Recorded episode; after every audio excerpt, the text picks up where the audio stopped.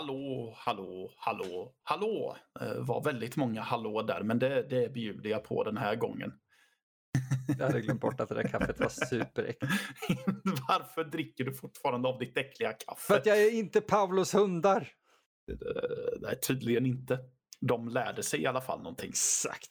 Ja, eh, vi är tillbaka när eh, Emil och jag pratar lite om att när vi har botaniserat ur eh, det precis gångna årets filmutbud. Mm. Så. Um, jag har inte hunnit mata ner mig och ta igen det jag missade riktigt än, men det kommer nog när en annan ledighet smäller mig i ansiktet ungefär. Um, men jag har hunnit se lite den här så jag relativt i början av året. Det var innan eh, farbror covid kom och satt, satte käppar i alla kugghjul som någonsin existerar. Jag minns faktiskt att du eh, pratade om den då och jag, jag, jag var väldigt nyfiken vad du tyckte. Ja, precis. Jag ska prata, jag tänkte prata lite om Richard Stanleys Color Out of Space. Vet ni inte vem Richard Stanley är så tänker jag inte klandra er. Uh, för han har inte varit aktiv på, i alla fall när det kommer till långfilm så har han inte gjort så har han inte gjort någonting eh, sen eh, 90-talet. Nej, det, det, var väl typ uh, Island of Dr. Monroe som var det senaste som uh, ja, blev gjort. Ja, ja alltså han har gjort dokumentärer och mm. kortfilmer och segment i grejer har Han gjort, men han har inte gjort en långfilm sen 96 då uh, The Island of Dr. Moreau släpptes. Och, och det, jag har faktiskt inte sett The Island of Dr. Moreau, men uh, det är för, för mig är det en sån film att man hör talas om den ofrånkomligt om man på något sätt är intresserad av film. För att eh, historien bakom filmen är väl mycket intressantare än själva filmen i sig. Ja, det finns en till och med en dokumentär om det som, som tar upp allt och ja, det är mycket intressantare än filmen. Ja, och filmen är, en, är ju en flopp, alltså en riktig bomb. Alltså den eh, demolerade många karriärer tror jag. Säkerligen inte bara uh, Richard Stanleys. Nej, men om men, det är någon i, ja, i Nördlivet ja. som kan någonting om Stanley så är det ju du. Så jag tycker det är så jäkla lämpligt att det är du som pratar ja, om det här. Precis. Däremot så hade han ju, han hade ju, och det här är ju också tråkigt för han hade börjat bli ett namn eh, ändå. För han gjorde en ganska cool eh, postapokalyptisk film som heter Hardware. Eh, om en, ehm, eh, några skräpledare en eh, konstig robot som visar sig vara hem, en hemlig mördarrobot från militären. Och så blir det typ en giallo eh, voyeuristisk eh, eh, thriller av det hela. Sen. Mm. Uh, sen har han gjort en film som heter Dust Devil som jag inte har sett för att jag inte har fått tag i den. Ja, hans men, filmer är inte de lättaste att få tag på. Nej, men jag tror... Ja, men i alla fall. Han har länge prat, han pratade redan på den här tiden tror jag om att han ville göra en Lovecraft-trilogi. Oh. Där Color of the Space skulle vara den första. Men i och med den katastrof som var The Island of Dr. Moreau så var det väldigt få bolag som ville ge honom pengar. Jag vet inte riktigt vad det är som har fått uh, folk att ändra sig nu. Uh, antingen är pass lång tid så att några tänker ja, men let bygones be bygones och allt det där. Eller om min teori är att uh, den lilla succé som... Ja, eh, nu var väl inte Mandy en full succé med Nicolas Cage. Det var en men, underground hit liksom. Ja, precis. Men den gav ringa på vattnet. Så jag tror att nu vågade man släppa in honom. För han är väldigt mycket en sån regissör som jobbar väldigt mycket med färger och miljöer. Är det. Ja, jag vill bara flika in det för jag tror mm. jag är helt med på den teorin. För att Eh, det var ju samma bolag bakom Colorado Space och Mandy. Ja. Om jag inte är helt ute och cyklar. Eh, precis. Och eh, Mandy regisserades av typ, vad heter han, Patos Komatos? Uh, Panos Kosmatos. Kosmatos, så heter mm. han. Uh, och han hade ju också bara gjort typ en långfilm innan uh, Over the Black, Beyond the Black Rainbow eller något Precis. sånt där. Mm. Och det är också så här väldigt artistisk, udda film. Mm. Så jag tror, precis som du säger, att, att med den framgången så vågar de ta ett steg till, särskilt med Cage i, i rollen. Och sen får vi inte glömma bort att när han gjorde en film senast, Stanley, så såg filmlandskapet helt annorlunda ut. Ja. Uh, och du kunde, nu kan du liksom manipulera digital bild med färger och allting utan att det kostar någonting. Mm. Uh, så jag tror att allt det låste upp möjligheter för honom, vilket är skitbra. Ja, precis. Så, um, så den här filmen vart då ett faktum nu då. Uh, med Nicolas Cage i huvudrollen som Nathan heter han här. Vilket jag blir lite, mm, jag är ganska säker på att han i novellen heter Nahum eller något sånt där. Eller så var är, för jag lyssnade på den på en ljudboksvariant strax innan jag skulle se filmen. Det kan vara att den inläsaren läste just det namnet väldigt konstigt. Ja, mm. det, den, det var på en YouTube-kanal som heter Horror Babble. De är uh, asbra, shoutout. Ja, jättebra.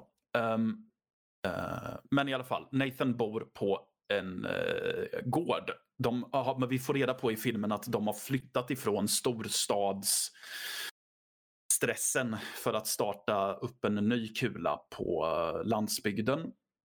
vilket hans barn har lite delade åsikter om.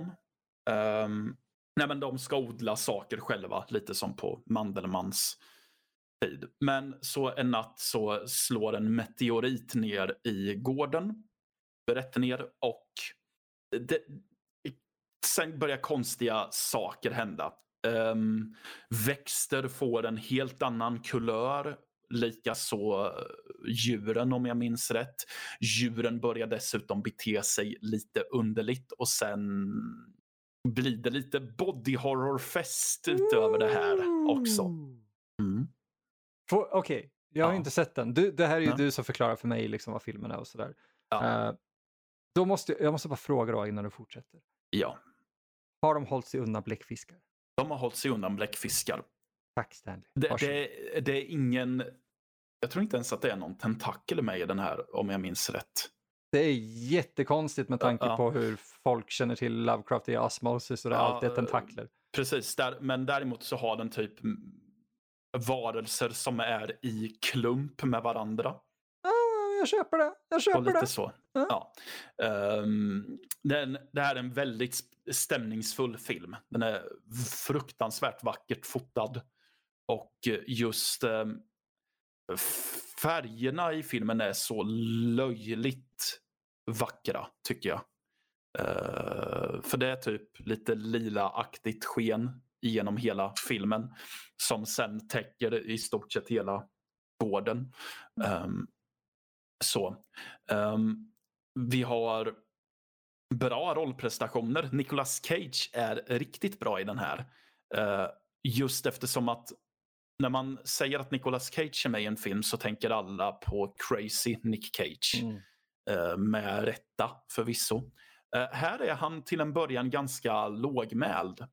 Eh, men sen så stegrade lite och sen så har man ju galne Nick Cage eh, framåt slutet av filmen i alla fall. Men det är inte så att det känns uncalled for för att det är hans karaktär som är skriven på det sättet. Och det är lite så, han passar också så bra i den här eh, familjefan som fadern som bara egentligen vill han har en så högtravande dröm om vad livet på landet ska ge honom för välmående. Och att han eh, typ inte vill acceptera motgångarna för det här ska fan i mig gå hem. Mm. Så, och det är lite så här, ja skygglappar på förvisso, men det, som sagt, det lämpar sig så bra för just filmens premiss och den här karaktären. Um, så. Jag har också uh, en väldigt underhållande cameo är det, men just. Eh, en liten biroll i form av Tony Chong. Tommy Chong? Tommy Chong, inte Tony. Tommy Chong eh, från Cheech Chong. Några av er känner nog igen honom som hippin i um, That 70's Show. Leo, Exakt. Leo heter han. Ja, precis. Där spelar han Ezra. Uh, ska man vara lite... Uh, om man är en Lovecraft-purist så kommer man ju veta att uh, så kan jag ju säga att de har ju valt att berätta filmen lite annorlunda. För filmen handlar om att handlar om en snubbe som heter, eller nej, novellen så är det ju en karaktär som heter Ward Phillips som uh, åker till den här platsen, typ vid Arkham. Uh, och ser, ser den här farmen, hur den ser ut nu. Det här är en tid efteråt. Sen träffar han Tony Chongs karaktär Ezra som liksom återberättar allting. Det är novellen. Mm. Uh, här, Ward Phillips är med och Ezra är med. Men Ward, det, det in, den inleder och avslutar med en, berätt, med en med Ward Phillips eh, berättarröst. Men den är inte genomgående i hela filmen. Mm, det är ändå väldigt arketypiskt mm. egentligen för Lovecraft-historier, just att allting återberättas, ja. det är aldrig in medias res. Så det är lite det återberättande men det är inte helt och hållet. Så det, det, det försiggår lite parallellt här. Mm. Så. Um, Ja, jag vet inte mer, vad mer man ska säga. Väl, jag, jag uppskattar den här filmen just för att den hanterar sin publik väldigt väl. Den hamrar inte in saker i ansiktet på dig för att de förlitar sig på att ja, men, en tittare kan se och reagera och dra sina egna slutsatser. Så vi behöver inte staka ut allt för dem. Vad, ehm, uppfriskande. Ja, eller hur? Det var så väldigt mycket jag uppskattade med den av just den anledningen. Uh, så den är ju således väl, väl regisserad, tycker jag. Så Specialeffekterna är grymma. Mm. Hur, mycket, uh, hur är de? Är det mycket praktiskt? Är det mycket digitalt? Är det en bra mix? Jag tror att det är en bra mix. Mm det är praktiskt när det behöver vara praktiskt. Det vill säga när det är köttigt så är det eh, praktiskt. Ja. Typ att oj, nu, är, nu har alla trän, trädens löv fått en annan färg. Då är det garanterat eh, digitalt. Vilket jag ja. kan godkänna till 100 procent. ja, jag med. Helvete att sitta och måla alla löv själv. Ja. Halloween gjorde ju det. Ja, men... Mm. Jag tror eh, John Carpenter hade önskat sig en bra loot eller filter då. Ja, precis. Får jag fråga, just på tal om färg, Matte. Mm. Uh, för jag är lite nyfiken här nu, för uh, du kan ju inte bara Stanley bättre än någon annan på Nördliv, men jag tror även att du är mer insatt i Lovecraft uh, också. Mm. I alla, okay. fall, I alla fall än mig. Och jag tänker, tentakler har ju blivit en grej, förmodligen tack vare Eh, Cthulhu och bläckfisk och kalamari och friterat och allting. Eh, men färgen lila, som du sa, det är ju färgen ja, i filmen. magenta om man ska vara noggrann. Ja, jag, jag, jag, men, kan... typ, men typ lila. Mm. Ja, men, ja, för att jag tror de försökte hitta den här, för att i, i boken, eller ja, i novellen beskrivs ju, allt Lovecraft beskrivs ju som obeskrivbart. Ja. Eh, inklusive färgen. Så jag antar ja. att de väljer en som är lite mer bekant eller odefinierbar. Mm. Varför är det alltid åt lila eller magenta, magenta hållet? Har du någon, något svar på varför det är så? I just den här filmen Nej, eller eh, generellt? Generellt, för det verkar vara så att just åt lila hållet är nästan alltid kopplat till Lovecraft. Lila och grönt. Ja, jag funderar på om just här tror jag att de har valt magenta då eftersom att den ser ju lilaaktig ut. Men det är inte riktigt lila. Det vill säga att det är en svårbeskriven färg. Cool. Tror jag. Mm. Um, uh, och jag vet inte om det är samma sak med grön också. Och grönliknande färger. Ja, just det. Mellan grönt och blått där. Ja. Det har säkert någon fancy, fancy namn. Men uh, ibland kan det vara svårt att definiera vad är det som är grönt och vad är det som är blått. Ja, precis. Ja, men, eh, för turkos är väl en grej där.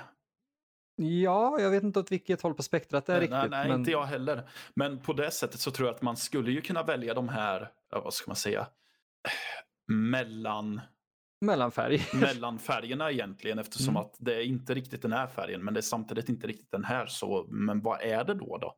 Fan vad obehagligt. Egentligen. Ja. Mm. Men okej, ja, nej, men det är en bra teori, bra förklaring. Mm. Ja, jag tror det. Nej, men för det, är- det är ju inte bara i den här. Jag för mig om att eh, just den här färgkoden som är i den här filmen tror jag att de leker lite med i From Beyond också. Oh ja, väldigt mycket så. Ja.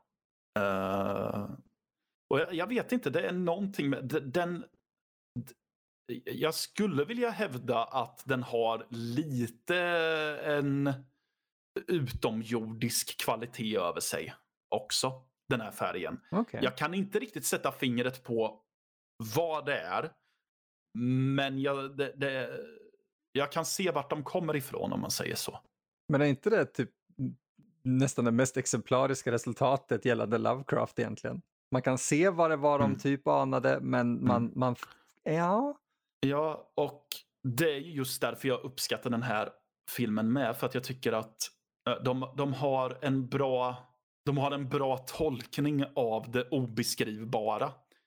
För även, de, eh, även när det blir body horror så är det lite så för min del märkte jag att jag vet på riktigt inte riktigt hur jag ska beskriva det här. nice.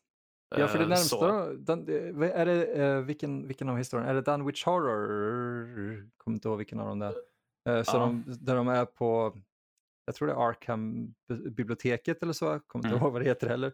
Men, men där de träffar på antagonisten, stora kaninöron, för att han visste inte att han skulle bli en blob. Typ. Jag tror Ja. inte det är Dunwich Horror, men det är någon av dem. Mm. Och, och just hur, hur karaktärerna beskriver att ja, vi, det, det, jag kommer inte ihåg hur de säger det, men det är, här, det är Mm. genuint obeskrivbart. Vi, vi, det, det var som en hög av kött. Ja. Eh, och jag gillar ändå då att just du som, som har sett den och, och ändå sett mycket Lovecraft, Mm. eh, Mm. eller Lovecraft-inspirerat, kan säga att här har de ändå fångat det odefinierbara. Ja, jag tycker det. Eh, det är också kul att du nämner The Dunwich Horror. Mhm. För som jag sa förut att han tänkte att den här ska vara den första i en trilogi. Och nästa adaption säger, menar han på ska vara just Dunwich Horror. Åh, oh, en av mina favoriter. Hoppas. Ja, Har, jag har någon, hoppas att det blir så. Jag har faktiskt inte hört någonting om hur, hur det ser ut i, för framtiden eh, för Stanley.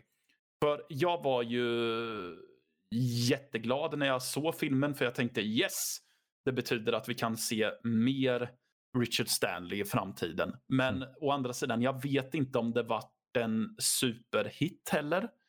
Jag tror att det började med att den fick mycket positivt, men sen tror jag att det är många som... eh, att den har fått en hel del kritik med. Jag har inte riktigt läst in mig på vad det är som kritiseras.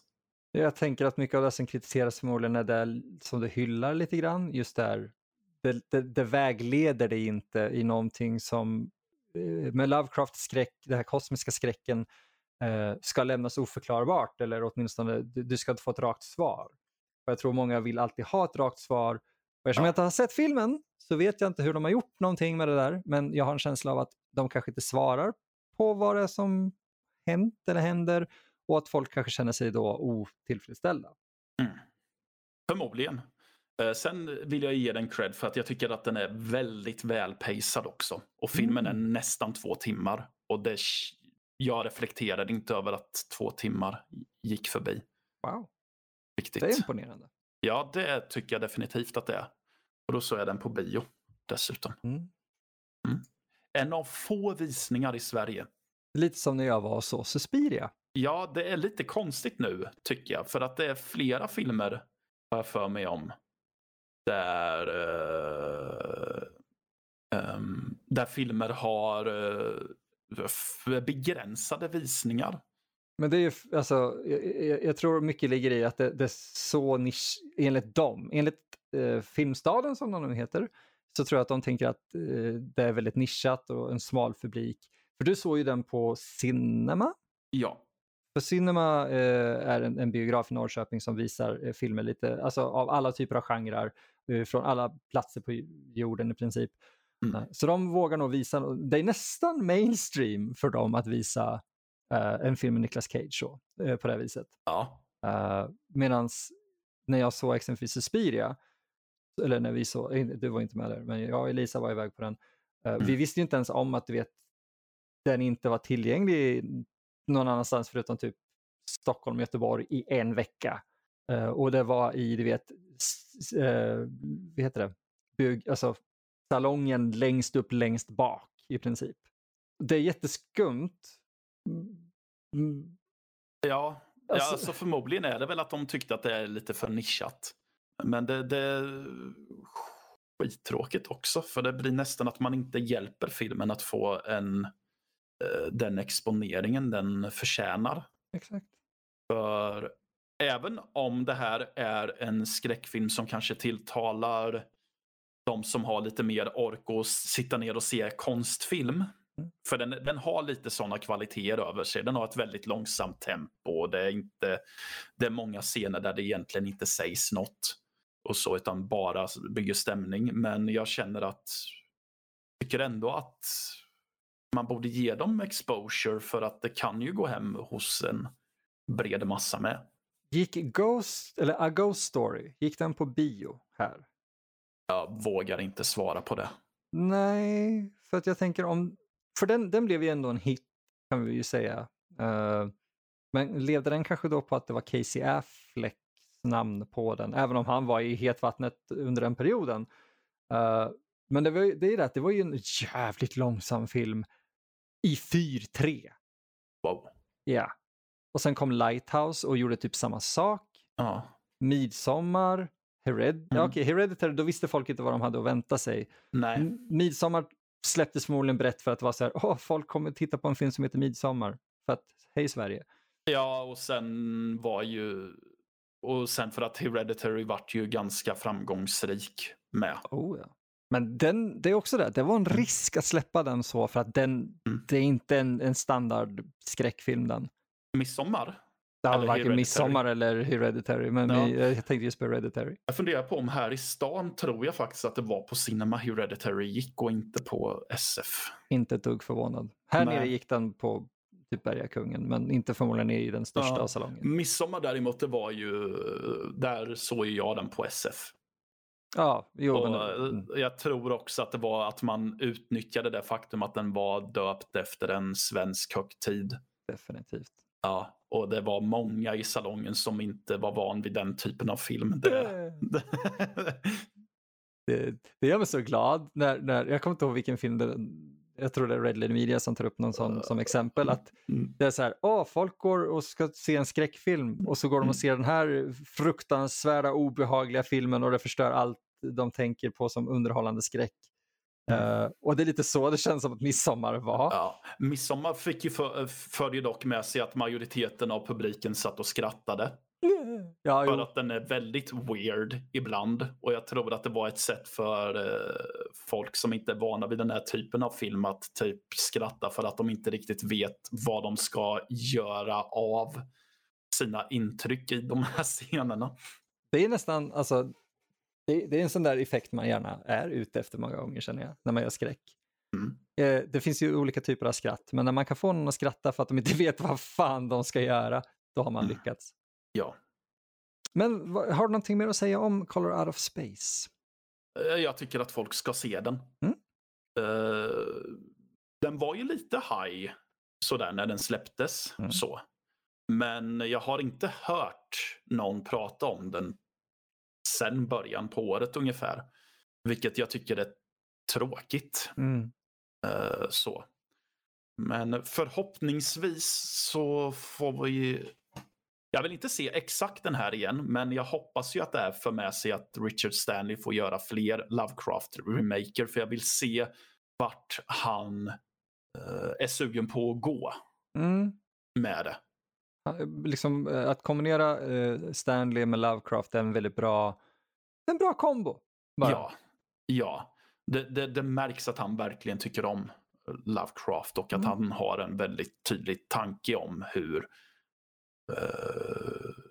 hur berättelserna, berättelserna ska berättas filmiskt då. Mm. Det märks att det är ett passionsprojekt där. Det värmer ändå väldigt att höra. Här. Ja. Och då är det liksom inte när det, det, det är inte ett vanity project eh, så mycket som det är just eh, passion. Mm. Vilket är två väldigt skilda saker, folk tänker inte på det. Precis, jag ser det här lite snabbt bara att han har ju, ja okej, okay. det, det, det var inget. Det, det, känns som att det alltid är så med Stanley. Oh! Nej, men jag tittade för han hade blivit, eh, han hade vunnit fyra och blivit nominerade till fyra priser. Mm. Um, men det var inte några superdigra priser för han, han vann Splat Filmfest. Oh. För Scariest Film och Best Special Effects. Uh, nominerad till, i någon som hette Sitges Catalonian International Film Festival. Den har jag inte hört om. Nej, inte jag heller. Han var nominerad till bästa film där. Uh, eh, IGN Summer Movie Awards. Uh, uh, nej. där vann han för bästa skräckfilm. Hawaii Film Critics Society låter tämligen nischat. Det låter som att någon vill vara viktig. ja, där är han nominerad för bästa sci-fi film. Uh, här, okay. Om man tyckte att uh, Hawaii-filmfestivalen där lät nischad så har vi ju HP Lovecraft Filmfestival i Portland.